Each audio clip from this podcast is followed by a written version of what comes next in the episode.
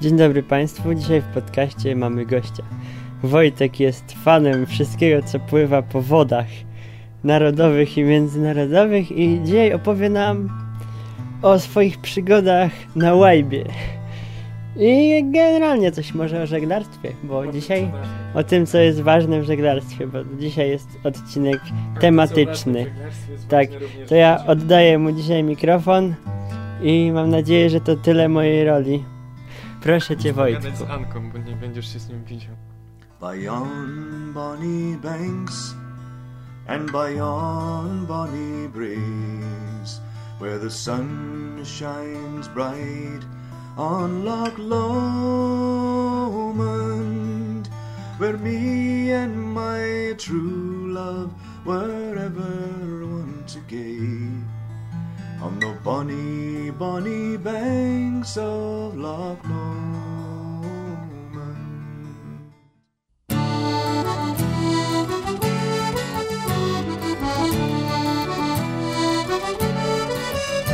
When I was a young man, just barely 14, craving adventure and lore. No to ja jeszcze sobie wysączę trochę tej pianki, co mi tu ścieka z, z piwka. Mhm. Shore, yeah, we sailed all along the French shore. A więc tak, o, podstawowa rzecz w żeglarstwie. Podstawa, to jest podstawa w ogóle, podstawa życia, podstawa w żeglarstwie. Na, na każdej łódce, no, porządny kibel to podstawa. Taka jest prawda. Nieważne gdzie płyniesz, nieważne gdzie jesteś, nieważne jakie warunki, ważne jest to, żeby był porządny kibel. No bo nie ma co ukrywać, kibel to jest takie miejsce, gdzie, no,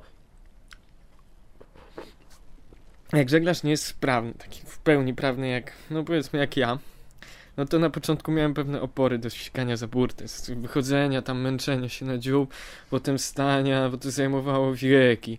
Poza tym, o to jest śmieszna rzecz, jak się płynie na morzu, to na górze fali, jak jest się na górze fali, to, to się ciężko leje. To tak, tak widać, że tak raptem ciurka. Ale w momencie, gdy się schodzi w dół fali, mm, to wtedy momentalnie wszystko z ciebie schodzi. I tak do góry ustaje, w dół schodzi. Ustaje, schodzi. To jest genialne.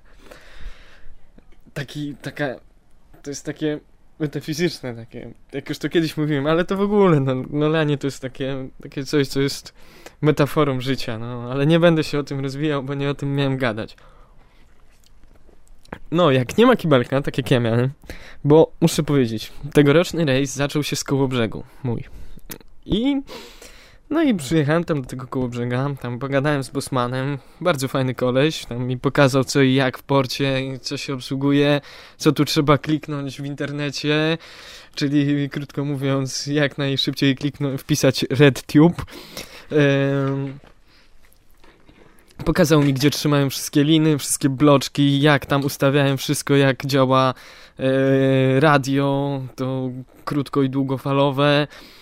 Oni tam mają fajne te rzeczy, takie mają kilka radii, takie cała ściana, takie wypasione, takie tam jedna łukawka, druga łukawka, SRC, WRC i tak dalej. No i tak to wygląda tam w porcie. Well, I was a lad in a fishing town. The old man said to me, You can spend your life, your jolly life, just sailing on the sea. You can search the world for pretty girls till your eyes are weak and dim. But don't go searching for a mermaid, son, if you don't know how to swim. Cause her hair was green as seaweed. Port w Kołobrzegu to jest, to jest miejsce, no to jest podzielone na kilka. Płynie się, wpływa się do kanału portowego i tam jest e, basen rybacki, basen pasażerów, takich zwykłych, tam jakichś promików i innych pierdół. No i basen jachtowy, ten jest najważniejszy, no to dla mnie oczywiście najważniejszy. No i tam, tam powinno tętnić życie, tak jak w każdym porcie jachtowym, no ale Kołobrzeg to takie trochę zadupiaste miejsce, tam betonowa, betonowa keja, no jak wię, większość kei e, opony jak większość tych, no tak, no taki normalny porcik tam, tylko łatwo, łatwo do niego podejść teraz, bo, bo wyremontowali rok temu. Rok temu to był strasznie ciężki, bo było wąskie wejście i w trudnych warunkach nie ma mowy. A teraz to można już podejść tam w każdych warunkach, bo 70 metrów tam podejście do portu to jest luz. Mm. W ogóle jak to jest w tym żeglarstwie, że mała łódeczka 10 metrów potrafi przepłynąć taki kawał drogi. Wszyscy sobie wyobrażają żeglarstwo morskie jako coś wielkiego. Wyobrażają sobie wielkie żaglowce, wielkie żagle zwisające, tak jak w Piratach z Karaibów, czy Pan i Władca na końcu świata. Ale nie, ja wam powiem, prawdziwe żeglarstwo zaczyna się wtedy, kiedy łódeczka jest mała. Bo jak łódeczka jest mała, to problemy zaczynają się wcześniej. Bo na takich wielkich to nie buja, nie trzęsie, bo tam to jak stały ląd. Ale te małe, to już przy czwórce zaczynają latać. Buf, buf, buf, góra, dół, góra, dół, na boki, zwłaszcza na Bałtyku, gdzie fale są bardzo krótkie i bardzo wysokie. No i tam zaczyna ci tam i z różnych stron przychodzą i miota tobą jak diabłem w kropielnicy. No taką miałem sytuację właśnie w tym roku na morzu, że tak ja miałem wachtę, bo tam podział, podział na jachcie jest według wacht. Jest pierwsza, druga, trzecia. Jest pierwszy oficer, drugi oficer i trzeci. Pierwszy oficer odpowiada za nawigację, drugi oficer odpowiada za zaopatrzenie w wodę, jedzenie i takie tam pierdoły, a trzeci oficer odpowiada za technikę. Byłem w tym roku trzecim oficerem, muszę się tak skromnie pochwalić. Przy czym to było dość upierdliwe, bo za to trzeba było benzynę tankować, silnik sprawdzać, elektryczność podpinać, naprawiać tamto, naprawiać siamto, znać miejsce kombinerek, wszystkiego, takich pierdół. Pierwszy oficer to też ma przerąbane, bo musi dużo myśleć, a drugi Drugi jak jest dobry, to ma trochę roboty, ale drugi jak się opierdala, no to wtedy nic nie robi. No co tutaj robić, no tylko skoczyć w porcie po chlebek, czy po bułeczki, czy po coś, to tam wodę, wodę podpiąć, to też minuta. No. Ale, ale tak, co, o czym ty... A, że miałem wachtę, bo to jest podział na wachty i każda wachta ma tam 4 godziny, 4 godziny pływa. Tam są od 8 do 12, potem jest dzielona taka 12, 14 i 14, 16, potem od 16 do 20, od 20 do 24, tak zwana wieczorna zachodówka, y, nocna wachta od 24 do 4 i yy, wachta yy, świtówka od 4 do 8. No i ja miałem taką wachtę od wieczorówkę od 20 do 24. No i tam sobie płynę, płynę, cisza, włączyliśmy silnik, no to płyniemy na silniku. Nagle budzę się o ósmej, a tu nami zapieprza jak jasna cholera. Nie wiem, co się dzieje na morzu. Wychodzę na pokład. Żygać mi się nagle zachciało, to znaczy nie pożygałem się, nie dało mi się nie pożygać. No bo wiadomo, choroba morska to każdego prawie łapie. Chyba, że żeglarz jest już wprawiony i się przyzwyczaja do tego, a ja jeszcze takim niestety nie jestem. No i zaczęło nami miotać, bo było wcześniej kilka dni sztormu i powstała fala. Wielka, gigantyczna fala która mimo, że wiatry ustały, płynęła dalej. No to, no to cóż, no fala jest, no to trzeba, no to nic. Ale że powstał potem nowy wiatr, to nasunęła się druga fala i nastąpiła taka interferencja i one ze wszystkich stron napieprzały. Nie wiem, czy to interferencja, ale to nieważne. I one ze wszystkich stron nasuwały, ze wszystkich stron nas biły. No wyobraźcie sobie falę czterometrową, napieprzającą w małą łódeczkę, dziesięciometrową, do góry, w dół, z jednej strony, z drugiej strony, wszystko na jacht się wlewa ty tutaj chcesz się odleć, a tutaj no jak, no, no, nie wiadomo, no bo kibel się popsuł oczywiście, no bo nie, nie, ma, nie ma takiej możliwości, żeby, żeby nasza łódka była w pełni sprawna. W ogóle co to za łódka morska, która jest w pełni sprawna? No, ja się jeszcze z takimi nie spotkałem. Zawsze jak ktoś mi opowiada jakieś historie morskie, to zawsze jest coś tam niesprawnego. Czy to silnik, czy to żagle, czy to przecieka. Właśnie, nie ma też łódek morskich, które nie przeciekają. Zawsze znajdzie się miejsce, w którym przecieka. Czy to bardziej, czy to mniej. No, w tym roku fajnie przeciekało, jak padał deszcz, to mieliśmy wszystko, wszystko w środku mokre. Rok temu, jak byłem, to przeciekał, przeciekał sraczyk jeden, yy, przeciekały filtry, filtry oleju, kumplowi się nalało do torby oleju i potem chodził przez cały wyjazd w klapkach, nawet jak szedł na dyskotekę, to chodził w klapkach, bo buty mu waliły olejem. Yy, no, mi na koje przeciekło coś od prysznica, który, który, i tak nie był używany. Nie wiem skąd ta woda się tam wzięła. W każdym bądź razie zalało mi wszystkie ubrania i było elegancko, śmierdziało wilgocią. No, o czym to jeszcze miałem mówić? Yy, a, o, zacząłem z koło brzegu. No i tam wypłynywamy sobie z tego koło brzegu, idealny wiaterek. No i płyniemy sobie gdzie? No do Kopenhagi, no bo co tam Kopenhaga? No to, to wielkie miasto duńskie, wielki port. No i płyniemy sobie do tej Kopenhagi. Pierwszy dzień, drugi dzień, trzeci. Wreszcie dopłynęliśmy. Wszyscy zmęczeni, brudni, śmierdzą jak jasna cholera. Ale co tam, dopłynęliśmy w końcu. Pierwsza rzecz jaką zrobiłem, gdy wysiadłem, a nie, to tym nie będę mówił, bo może mamusia będzie słuchać. Em, No i potem, potem przeszliśmy się po porcie. A, wpłynięcie do Kopenhagi. No, wpływamy do Kopenhagi, liczymy bojki. Pierwsza, druga, trzecia, czwarta, piąta, szósta, siódma, ósma, dziewiąta. Kurwa, kiedy one się skończą? Dziesiąta, jedenasta, no szlak, już powinniśmy dopłynąć. No, jest w końcu ta siedemnasta, wpłynęliśmy do basenu portowego.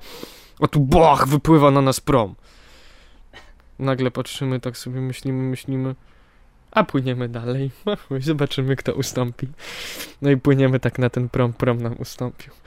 Prom 50 metrów, czy tam 60, my 10-metrowa łódeczka, ale my się nie poddaliśmy. Jesteśmy z Polski, a nie z jakiejś to tam Danii, jakieś blondyny i tak dalej. Kurczę, co oni będą nam tutaj mówić, co my mamy robić? My płyniemy dalej.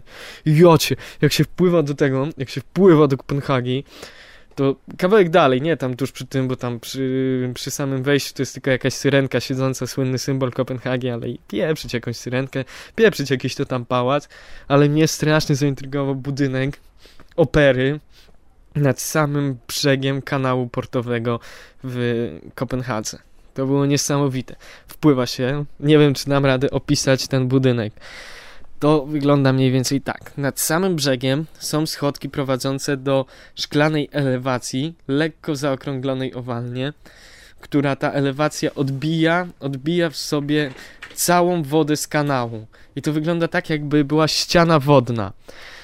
E, Nad tym jest taki dach, gigantyczny dach, nie taki jakiś byle jaki, tylko on jest od góry prosty, a i on wystaje takie czoło robi. Tylko, że nie jest takie grube, tylko cienkie. Nie umiem tego jeszcze opisywać, ale liczę na to, że po roku studiów na architekturze to mi się uda w końcu coś. Najchętniej to bym narysował, ale no cóż, no, no, no, no talent, talent mi się skończył od ostatniego egzaminu, bo nic nie rysowałem, no. Em, Potem naprzeciwko jest sobie budynek, też genialny, bo jest na takich palach, jest, w, jest wysunięty w kanał i na takich palach. Też fajny widok, fajny. Tam jakieś restauracje, jakieś duperele takie i tam ten. Szukanie miejsca w Kopenhadze, no, ten, no to, to, to było cholernie ubierdliwe. No jak, ile nas się kapitan nie nakurwił przy tym, to, no to ja nie powiem. W końcu się tak wkurzyliśmy, że wypieprzyliśmy jedną dalbę, no bo była jakaś to tam spruchniała, połamana i, i nam zagradzała miejsce. No to wypierdoliliśmy ją w pizdu, a co nam będzie przeszkadzać? Nie no tam wygięliśmy ją trochę, przełamaliśmy ją tak na drugą stronę. Wpłynęliśmy sobie, tam stanęliśmy, no i w końcu tam dogadaliśmy się jakoś tam bosmanem, oczywiście on tam chciał korony duńskie, a nie euro, ale w końcu jakoś coś tam nam ustąpił. Bardzo miły facet, no, swoją drogą.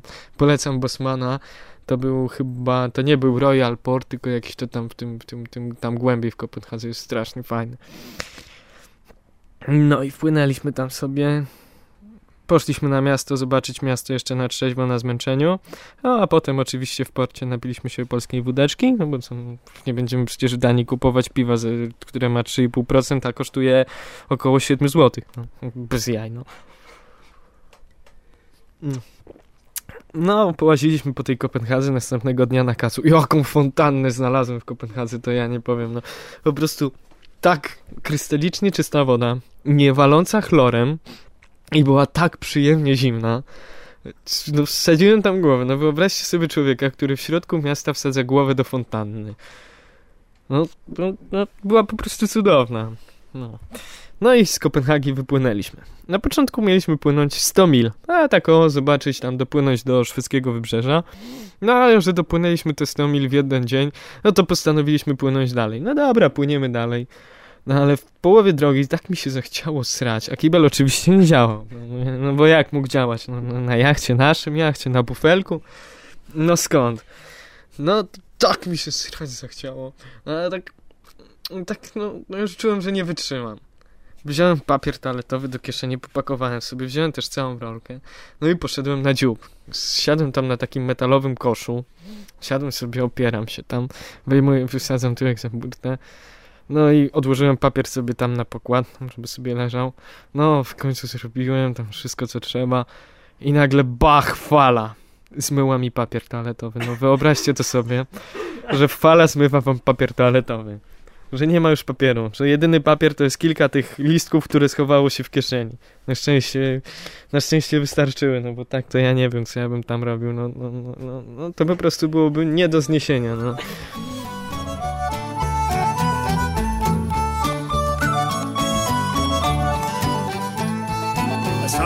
A sailing ship. My very first day at sea, I seen the mermaid in the waves are reaching out to me. Come and live with me in the sea, said she, down on the ocean floor, and I'll show you a million wondrous things you've never seen before. No i tak to było. No, y, no i płyniemy do Wisbi. Dopłynęliśmy do Wisbi późnym wieczorem, gdzieś tak koło pierwszej. Przeszliśmy się chwilę po tym Wisbi, po czym siedliśmy przy stoliku, totalnie zmęczeni, wypiliśmy resztki wódki, które nam zostały. No, potem poszliśmy, potem poszliśmy zwiedzać Wisbi. Druga w nocy, a tutaj na wybrzeżu, w porcie i w ogóle w całym mieście jeżdżą sobie limuzyny różowe, jakieś różne ten wypasione auta, Aston Martiny, Lamborghini i ja mówię prawdę, ja teraz już nie blefuję, bo to jest prawda. Nie, nie ten. Laseczki ubrane jakby szły do przednich klubów, faceci nie tak jak w Polsce, jak się lansować to w jakieś tam gówna, tylko do jakieś kurde ubrania Armaniego i tak dalej, kurczę pieczone, takie ten... Wszyscy wysocy, strasznie wysocy. Wyobraźcie sobie, że w Polsce ja z moim 1,75 m, no to jestem średniego wzrostu, prawda? A tam to byłbym jednym z najniższych. Tam to no, no po prostu patrzyłem na wszystkich z góry. No tak, z góry, tak, tak, tak, Krzysiu, dzięki, dzięki. No, z dołu, z dołu, z dołu. No po prostu zabełkotałem się, muszę się łyknąć sobie piwka, no. Nie ma to jak ciepła perełka. O, miałem perełkę w Szwecji. Potem następnego dnia, jak już miałem kacę, to się napiłem, tak mi się lepiej zrobiło i tak uch, perełkę. A Visby to jest taka miejscowość wypoczynkowa, taka mniej więcej jak Hell. No i to tak wygląda, tylko że Polsce ten Hell to wygląda tak, że tam przyjeżdżają dresy i tam się te dresy lansują. W dresikach swoich jakoś to tam łyse pały, pokazują swoje tatuaże, pokazują swoją łysą pałę, pokazują jak to oni nie są kurwa zajebiści w ogóle, jakie to JP. A w Szwecji to policja stoi na ulicy i tylko jak ktoś padnie już, to dają mu jakiś środek, żeby mógł się bawić dalej. No po prostu nie wiem, ja, ja tego nie rozumiem. Tam w ogóle starych ludzi nie było, nie wiem, to po prostu polega na tym, że młodzież się bawi, a starzy harują, żeby ci młodzi mogli się bawić. To, to, to tak wygląda. A, ale powiem o dziewczynach w Danii i w Szwecji, no bo to, to nie, no, no tak nie wypada. Nie wypada nie powiedzieć. Jako, że wszyscy tam zasuwają na rowerach, no prawie wszyscy, a ci, którzy nie zasuwają, to widać, że nie zasuwają po ich wielkości i ich tuszy, to wszyscy są tam zgrabni bardzo i no tak ten. No i dziewczyny, blondyneczki, długie nogi, wszystkie zgrabniutkie. No po prostu takie no... Takie to... No, no oprócz tych, które nie jeżdżą na rowerze. No i one wszystkie tak mają te zgrabne nóżki i umieją to zaprezentować, wszystko tak, to wszystko takie kurczę z gracją się poruszają, a nie tak jak w Polsce nałożą tonę makijażu i tam coś tam i i robią tylko po prostu idą i haj, tylko wiesz, takie, nie? takie no ale cholerne suki no z Polakami nie chciały gadać, no, no. Ale i tak poczułem wyższość jakąś nad tymi Szwedami i tymi Duńczykami, bo pomyślałem, że ja umiem więcej niż oni. Ja chciałem się czuć po prostu lepszy, szukałem takich, takich, nie wiem, no.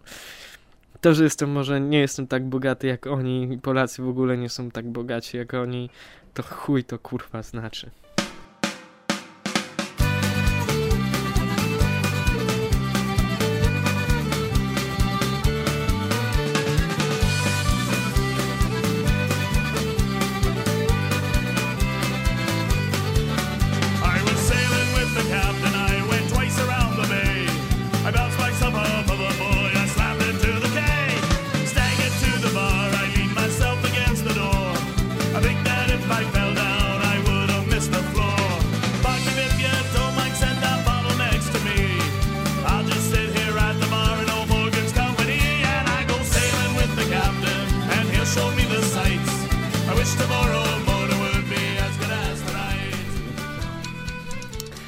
Tym pierdolonym Wi- Wisbi, za przeproszeniem, no to staliśmy tam trzy dni, bo okazało się, że sztorm przyszedł. No mieliśmy płynąć do, na Alandy, to jest bardzo na północy. E, to są wyspy częściowo e, szwedzkie, bardzo mało częściowo i częściowo e, fińskie. No i tam byłoby ładnie, bo tam sama natura, czystość, tako, wiecie, takie piękne. Albo mieliśmy płynąć do Helsinek, w zależności od tego skąd będzie wiał wiatr. No ale wiatr zawiał taki, że no w ogóle zrezygnowaliśmy z płynięcia. Jeśli już, to mieliśmy płynąć do Polski, no ale no, komu się śpieszyło do Polski. No i przepraszam, tym sposobem zostaliśmy w Wisbi 3 dni. Pieprzone 3 dni w Wisbi, a nie 4, przepraszam. Pieprzone 4 dni w Wisbi. Postój kosztuje e, 130 zł, bodajże, z tego co pamiętam, czyli 4 razy 130. 520 zł za 4 dni, no bez jaj, no za jakiś głupi jacht. To jest chamstwo. W każdym porządnym porcie powinno być tak, że jak warunki są bardzo niesprzyjające, to powinno być stanie za darmo. A te TDTD, no nam policzyły. W ogóle ci Szwedzi to chamstwo, no ja nie będę o tym mówił, bo może mamusia będzie słuchać. Potem płynęliśmy z tego Wisbi do Polski. No już klima, już tam atmosfera na jachcie, no bo 4 dni Cztery dni stania w porcie, deszcze, nie można wychodzić z jachtu, bo no, się od razu mokło. No to siedem osób na 10-metrowej łódce, no to trochę ciasno i wszyscy musieli się przez siebie przeciskać, wilgoć. No i trochę atmosfera była popsuta, tym bardziej, że nie chcieliśmy wydawać kasy na jakieś jedzenie horrendalnie drogie w tej Szwecji, no to zjadaliśmy to, co było. Czyli najczęstszym naszym posiłkiem to było, co to było? A, jedliśmy, jedliśmy chleb z apetytem. Mówię wam, cudo. Chleb z apetytem jak się je, to jest cudo. Jeszcze był makaron z apetytem. Ten już trochę gorszy był, ale był apetyt, to najważniejsze.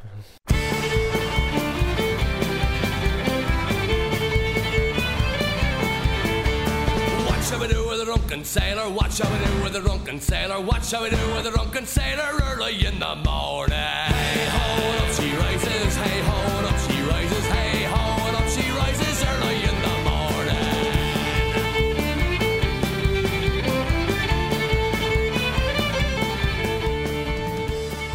To może powiem coś o ludziach, którzy ze mną płynęli w tym roku. Powiem, powiem o może o dwóch tam, bo tam o swoich znajomych, tych młodszych, to nie będę mówił. Powiem o kapitanie, o Waldemarze Rzeźnickim. Yy, no, z wykształcenia inżynier yy, energetyki, tak, lub elektrotechniki, czy tak jak Krzysio. Tak jak Krzysio. No tam o, faktycznie o tej elektryce wiedział wszystko, pomagał mi tam rzeczy naprawiać jakieś. Yy,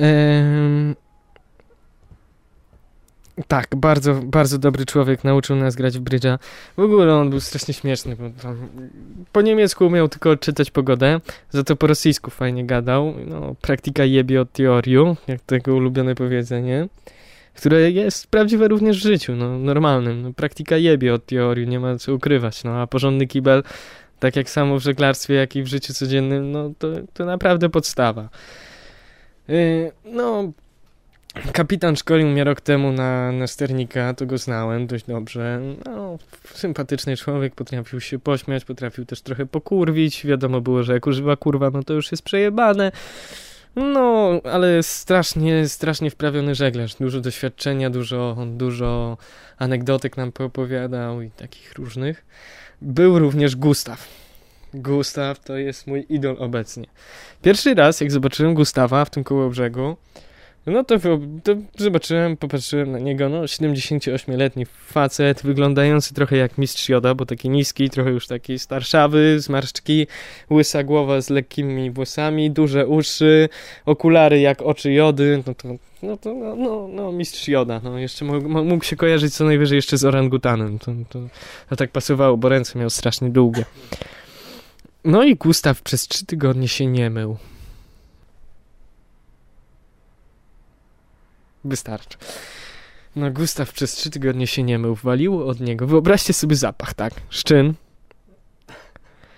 No, gówna tam może nie. Szczyn, e, potu, wilgoci, takiej wiecie, morskiej wilgoci, no bo jak to, tam taka stęchlizna, trochę grzyba takiego, no i to wszystko i starego człowieka. I jak od niego waliło. Gustaw nie mył też zębów, no bo, no bo, jak on to mówił, lepiej niż umyć zęby, to jest po każdym jedzeniu wypłukać zęby dokładnie, bo to podwójnie, i potem połknąć to, to ten, bo to podwójna korzyść, bo zjada się też od razu to, co zostało między za zębami. No, no, no bo co, no zęby będą zdrowe, nie będzie tam żadnego jedzenia i próchnicy, a jednocześnie się człowiek doje.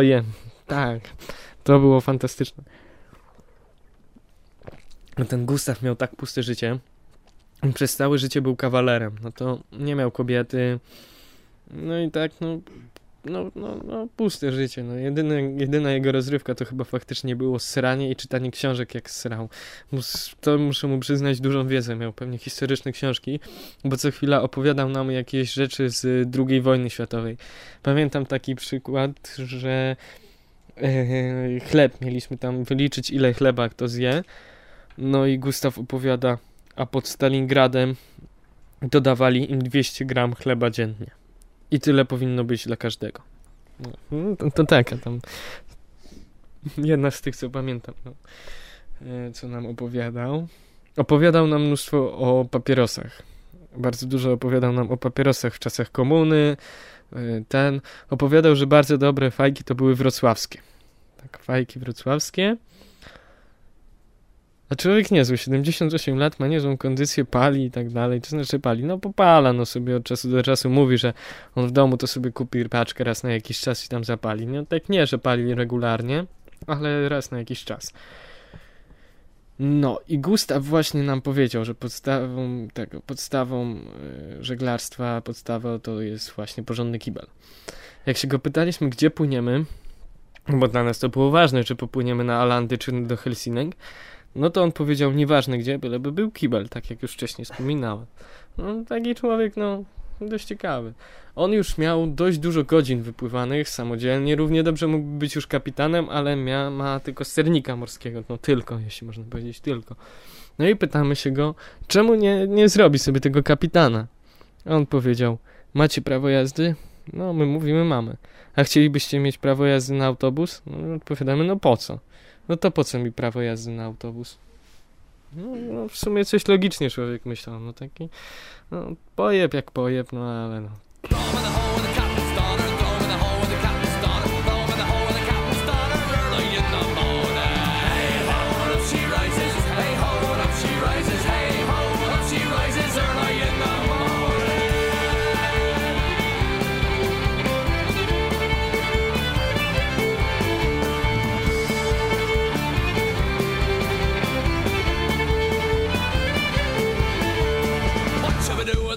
Sailor. Watch how we do with the drunken sailor. Watch how we do with the drunken sailor early in the morning.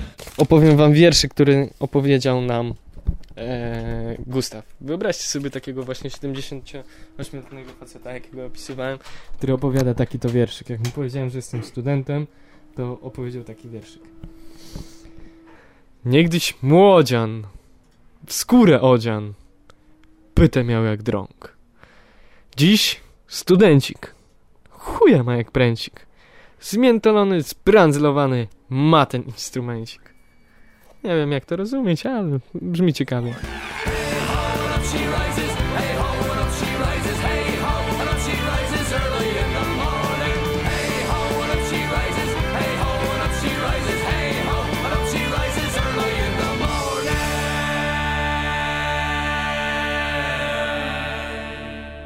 Żeglarstwo to jest rzecz no, nie będę tutaj owijał w bawełnę, fantastyczna. Człowiek, który żegluje, to albo w morzu się zakocha od pierwszego wejrzenia, albo może znienawidzi. W moim przypadku na szczęście było to miłość, no ale no, no. Dość dziwna ta miłość, przyznam szczerze. Nie wiem poza tym, czy to miłość. Po prostu, może lubię. Nie tak, żebym kochał, żebym chciał tam być non-stop chyba nie chciałbym pływać non-stop.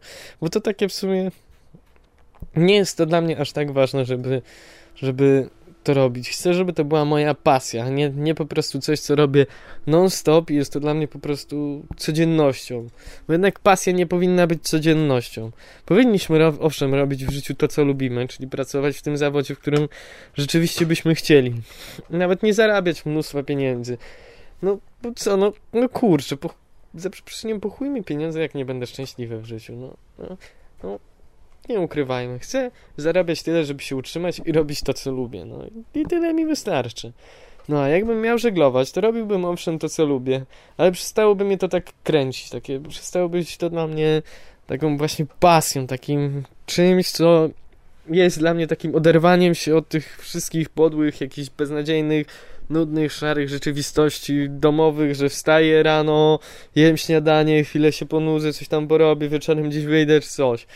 A to to po prostu takie, że jest zajęcie, jest o czym porozmawiać, że ludzie, którzy są na żaglach, to zawsze mają tą wspólną jedną pasję, to żeglarstwo. I potem nagle okazuje się, że ci ludzie znaczą coś więcej. No, no taka, taka prawda, taka prawda. Ale żeglarstwo, żeglarstwo to jest umiejętność, którą warto posiadać. Uczy myślenia, bo podobno człowieka poznaje się albo w górach, albo na żaglach. Taka, taka, taka, tak mi kiedyś ojciec opowiedział. No i na żaglach to jest niesamowita magia. To jest po prostu ten klimat, wiatr we włosach, e, pokład pod tym, woda chlupocąca, patrzysz, prędkość jakaś niesamowita, czujesz to wszystko, stajesz się jednością z jachtem, z wodą, z, ze wszystkim, po prostu to zaczyna, czujesz otoczenie, tak jakby, tak jakby.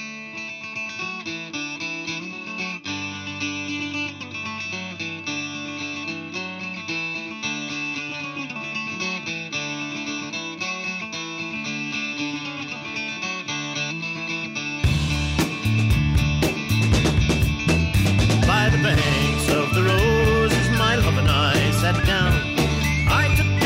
fiddle for to play my love a tune. In the middle of the tune, oh, she sighed and she said, Johnny, lovely Johnny, would you leave me? When I was a young one, I heard my father say he'd rather see me dead and buried in the lake. No to w zasadzie najlepiej uczyć się żeglarstwa w praktyce. Jak się umie manewrować, umie się przewidywać pogodę, umie się mm, umie się tam w miarę nawigować, no to no to co z tego, że będę wiedział, jakie siły działają mi na ster, no, no i tak wiem, jak on działa, no kuźwa, no, za przeproszeniem, no. Poza tym jest tak, mówi się, jak uczy się na żeglarza, że nie wolno włączać nie wolno używać silnika z, z tym, z żaglami, no bo to takie nieeleganckie. No ale ludzie, podstawa na żaglach to jest bezpieczeństwo, skuteczność, elegancja. Równie dobrze tą zasadę można stosować w życiu, no, no, no bo w życiu też tak jest, że powinno się na, na przykład w samochodzie jeżdżąc. Bezpieczeństwo, skuteczność i dopiero potem elegancja, jakieś popisy czy coś takiego. Ważne, żeby wszystko było bezpieczne i skuteczne. I tak samo jest w żeglarstwie. Najpierw bezpieczeństwo ludzi po żagle, to wbrew pozorom nie jest taka bezpieczna sprawa, no ale też nie tak niebezpieczna, jak wszyscy myślą. Skuteczność, czyli dopłynąć tam, gdzie trzeba, nie, nie rozpieprzając się nigdzie. Ładnie, to znaczy ładnie, no wymanewrować tak, żeby wejść, nie rozpieprzając też wszystkiego, no i, no i, no, a potem elegancja, że ładnie się wyjmie, ładnie się zakręci, ładnie się zawinie i tak dalej, jakoś efektownie i w ogóle fajnie. No, no tak to bywa.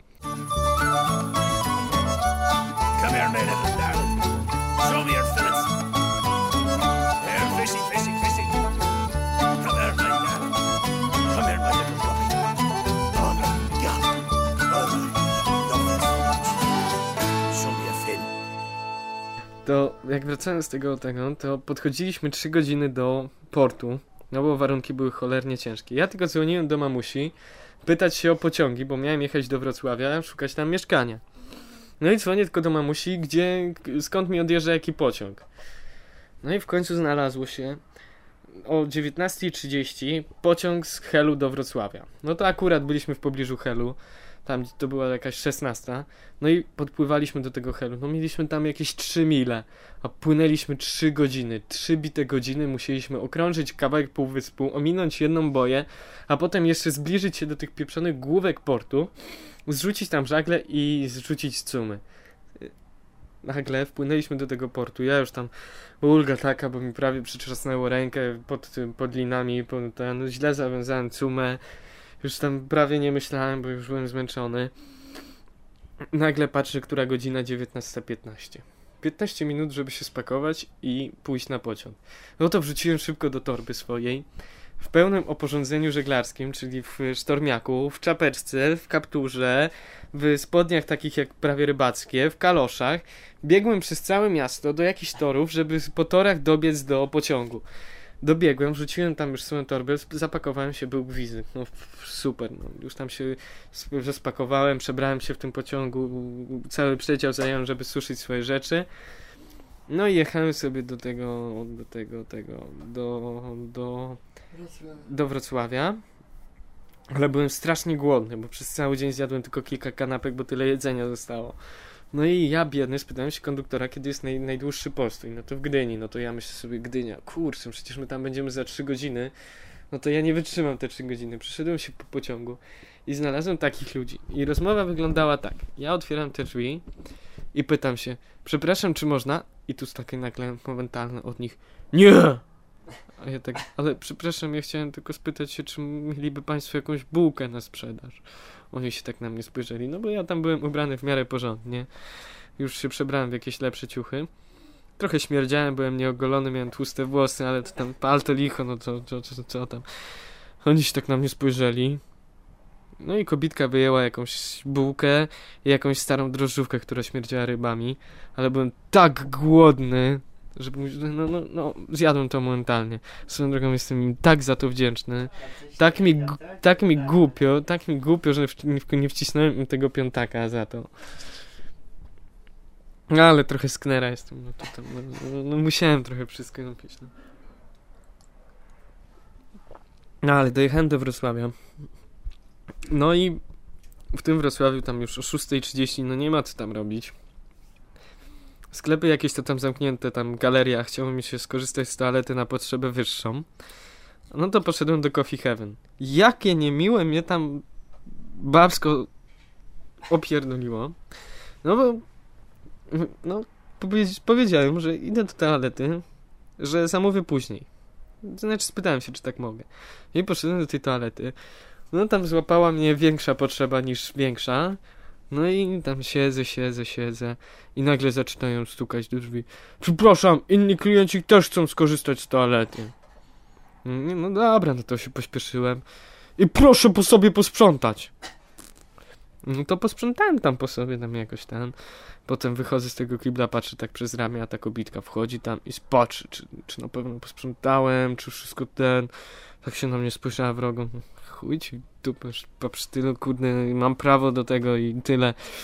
Nie przejmowałem się tym później, potem wypiłem tam, potem kupiłem od niej kawę i powiedziałem, że spytałem się, czy mogę skorzystać z prądu, śmierdziałem jak jasna cholera. Ale to jest chamstwo, jeśli ludzie oceniają po pierwszym wrażeniu, no to patrząc wtedy na mnie, mieli przed sobą nieogolonego brudasa, śmierdzącego, ładującego komórkę w tym, w, yy, kaf w kafejce, z torbą jakąś taką, byle jaką, obdarte spodnie, bo jakieś takie miałem akurat wtedy. No po prostu jakiś taki, no, no, no taki gówno, no ale przecież jakbym się umył, jakbym się ogolił, jakbym załadował telefon, no to byłbym normalnym klientem, no bo no to bez jaj, no a o co nim tam ten.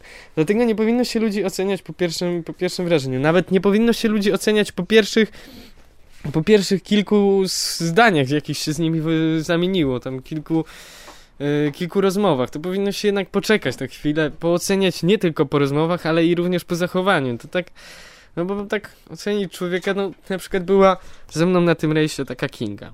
No Kinga miała rozmiar dość duży, była po prostu obfita, no, gruba, żeby tutaj nie mówić jakimiś dziwnymi słowami, ale była strasznie miła. Na początku jak z nią gadałem, to no o kurde, jaka głupia idiotka, no to po prostu no taka, no taka kretynka, no taka, o Jezu, będę musiał się męczyć, nie dość, że brzydka, to jeszcze głupia, no. To znaczy brzydka w sumie jakby była chuda, to nie byłaby, no ale no cóż, jednak jednak wielkość robi swoje.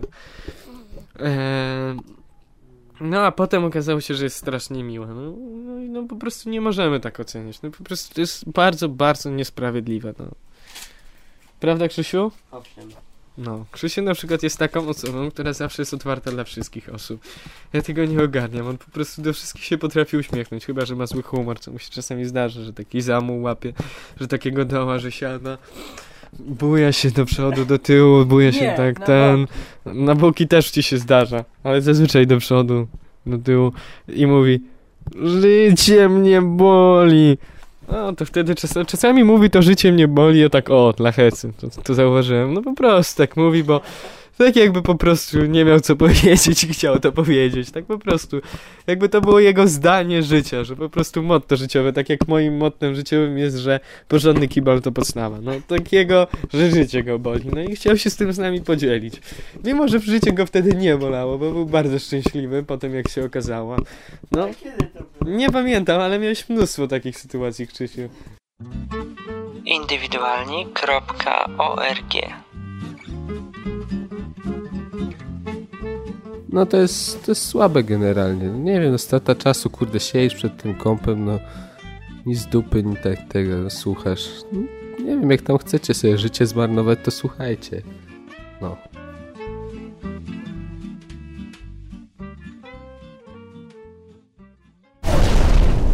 A teraz opowiem tutaj do tego, do mikrofonu, o czymś, o czym chciałem powiedzieć wcześniej. Już nie na temat żeglarstwa, ale przyszły mi takie myśli do głowy, muszę je sobie znaleźć tutaj w moim kajeciku. Na przykład na temat miast.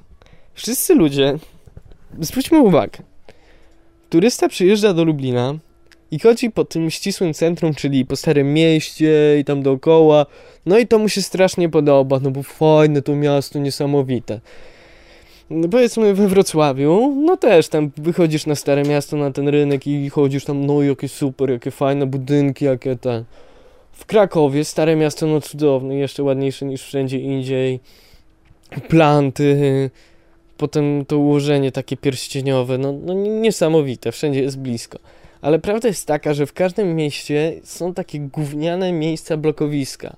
No w Lublinie jest to na przykład taki Czechów, Czuby, no po prostu to wszędzie musi być. No, no nie ma wyboru, no, no, gdzieś ci ludzie muszą mieszkać. I tak naprawdę prawdziwe miasta powinno się poznawać również od tej strony. Nie możemy się podniecać jakimś miastem tylko dlatego, że ma piękne centrum.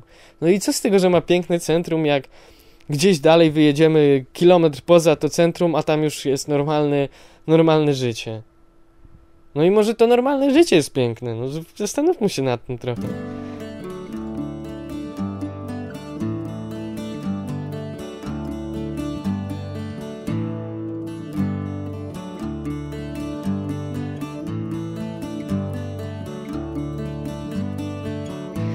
A więc tak, o marzeniach.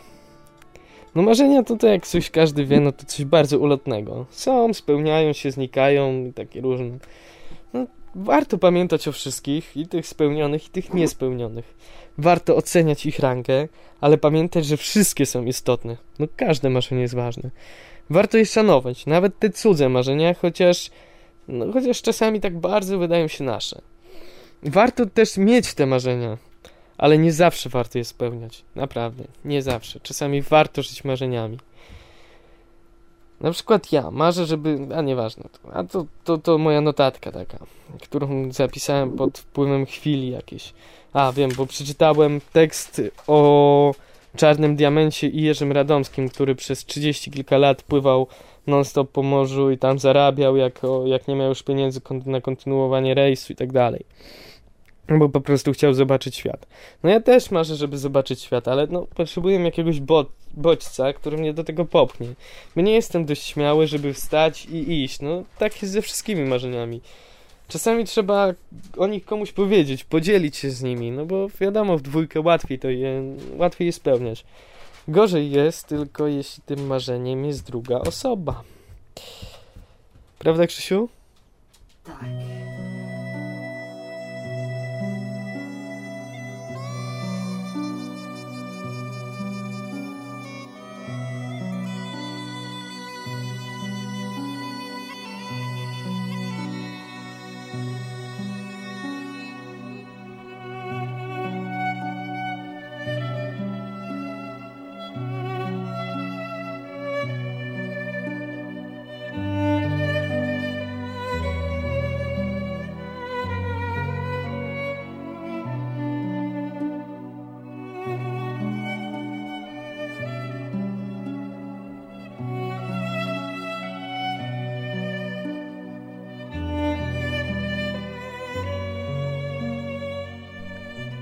Zwróćcie uwagę, to też chciałem takie, taka krótka anegdotka, takie coś, oderwanie się od tego, ten. Są czasami takie miejsca. No bo są, no. piękne miejsca, no znaczy nawet nie piękne, jakieś takie miejsca, które bardzo nam się podobają, no chociaż nawet nie wiem, coś tam jest byle jakiego, powiedzmy, że mm, w Lublinie, brama numer 3, Krzysiu, prawda? Piękna. Cudowne jest to miejsce, prawda? No, chociaż tam śmierdzi, jest brudno, ludzie tam sikają, w ogóle taki tam pff, nieciekawe tak naprawdę, ale pierwszy raz, gdy tam byliśmy, to to miejsce miało taki klimat, było tak niesamowite, że no po prostu czuliśmy się tam cudownie. No, to, że tam po prostu były jakieś jeszcze bodźce dodatkowe, ale myślę, że te bodźce nawet nie miały znaczenia, bo potem byłem tam trochę trzeźwiejszy i też się czułem tam fajnie. Oprócz tych momentów, w których przychodziły tam osoby, które ten klimat tego miejsca psuły. Ja tam na przykład wziąłem innego kolegę, no i zepsuł tam klimat. No, po prostu nie pasował tam jakoś tak. Tak naprawdę pasowaliśmy tam tylko my. Krzysio, ja, yy, Krzysio, ja, Michaś i Fryz, no. A reszta osób, które tam przychodziła, psuło tak jakby ten klimat, no. Robiło takie... Bezczyściło swoją obecnością. Nawet nie tym, co mówiły, co robiły, tylko swoją obecnością samą. Przepraszam, no tam ludzie, którzy tam byli i którzy myślą, że to o nich mówię, no, no nie, to nie o was mówię, no. Nie wiem, kto tego. No, no. Ale jest takich miejsc więcej na, na całym świecie, że po prostu znajdujesz takie miejsce, w którym się dobrze czujesz, nawet sam. Nie ma tam żadnej ławki, Lipnia. lipniak. Nie ma tam żadnej ławki, nie ma tam żadnego cudownego widoku. No tam jest po prostu fajnie, ale no mówię o tak ogólnie. Nie ma jakiegoś cudownego widoku. Jest po prostu zwykłym takim miejscem, takim, no nawet szaroburym, ale po prostu dobrze się w nim czujemy. I przyprowadzamy tam nagle kogoś, no i ta osoba psuje klimat tego miejsca. Bez cześci. Bez cześci to sakrum. Byciem swoim profanum.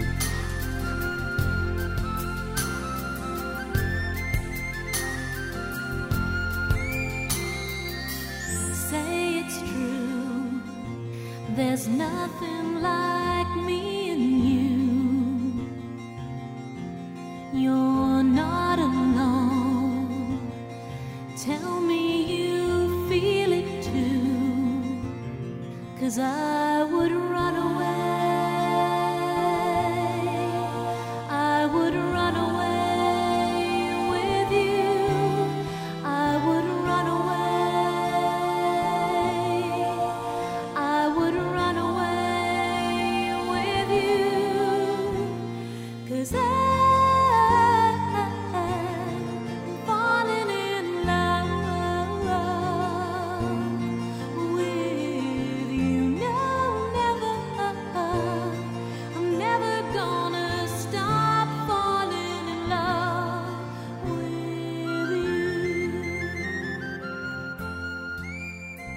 A i posłuchajcie sobie płyty Katie Melloway. W ogóle Katie Melloway sobie posłuchajcie.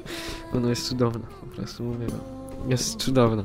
Ale nie te single tam, The Flat czy tam Happy Place. Tylko posłuchajcie sobie takich na przykład jak Red Balloons, albo Tiny Alien, albo innych. I pojedźcie na jej koncert, też będzie cudowny. W ogóle ona jest cudowna. A i przeczytajcie Buszującego Zboże. Jak ta książka jest... No, po tej książce każdy się zmienia, no.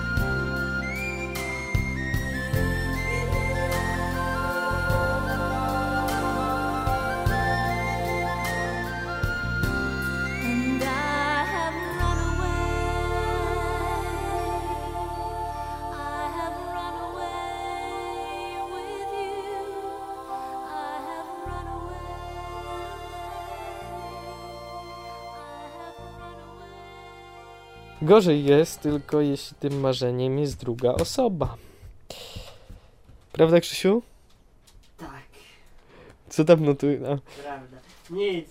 robię zestawienia aparatów z filmowaniem HD. Aha. Krzysiu, jakie ty masz marzenia? Krzysiu, weź powiedz tak. Łyknij sobie browara i powiedz. Nie. Dzisiaj to twoja kolej, dzisiaj ty mówisz. Jejku, jakie ja mam marzenia. Ale z żadnym się nie mogę podzielić.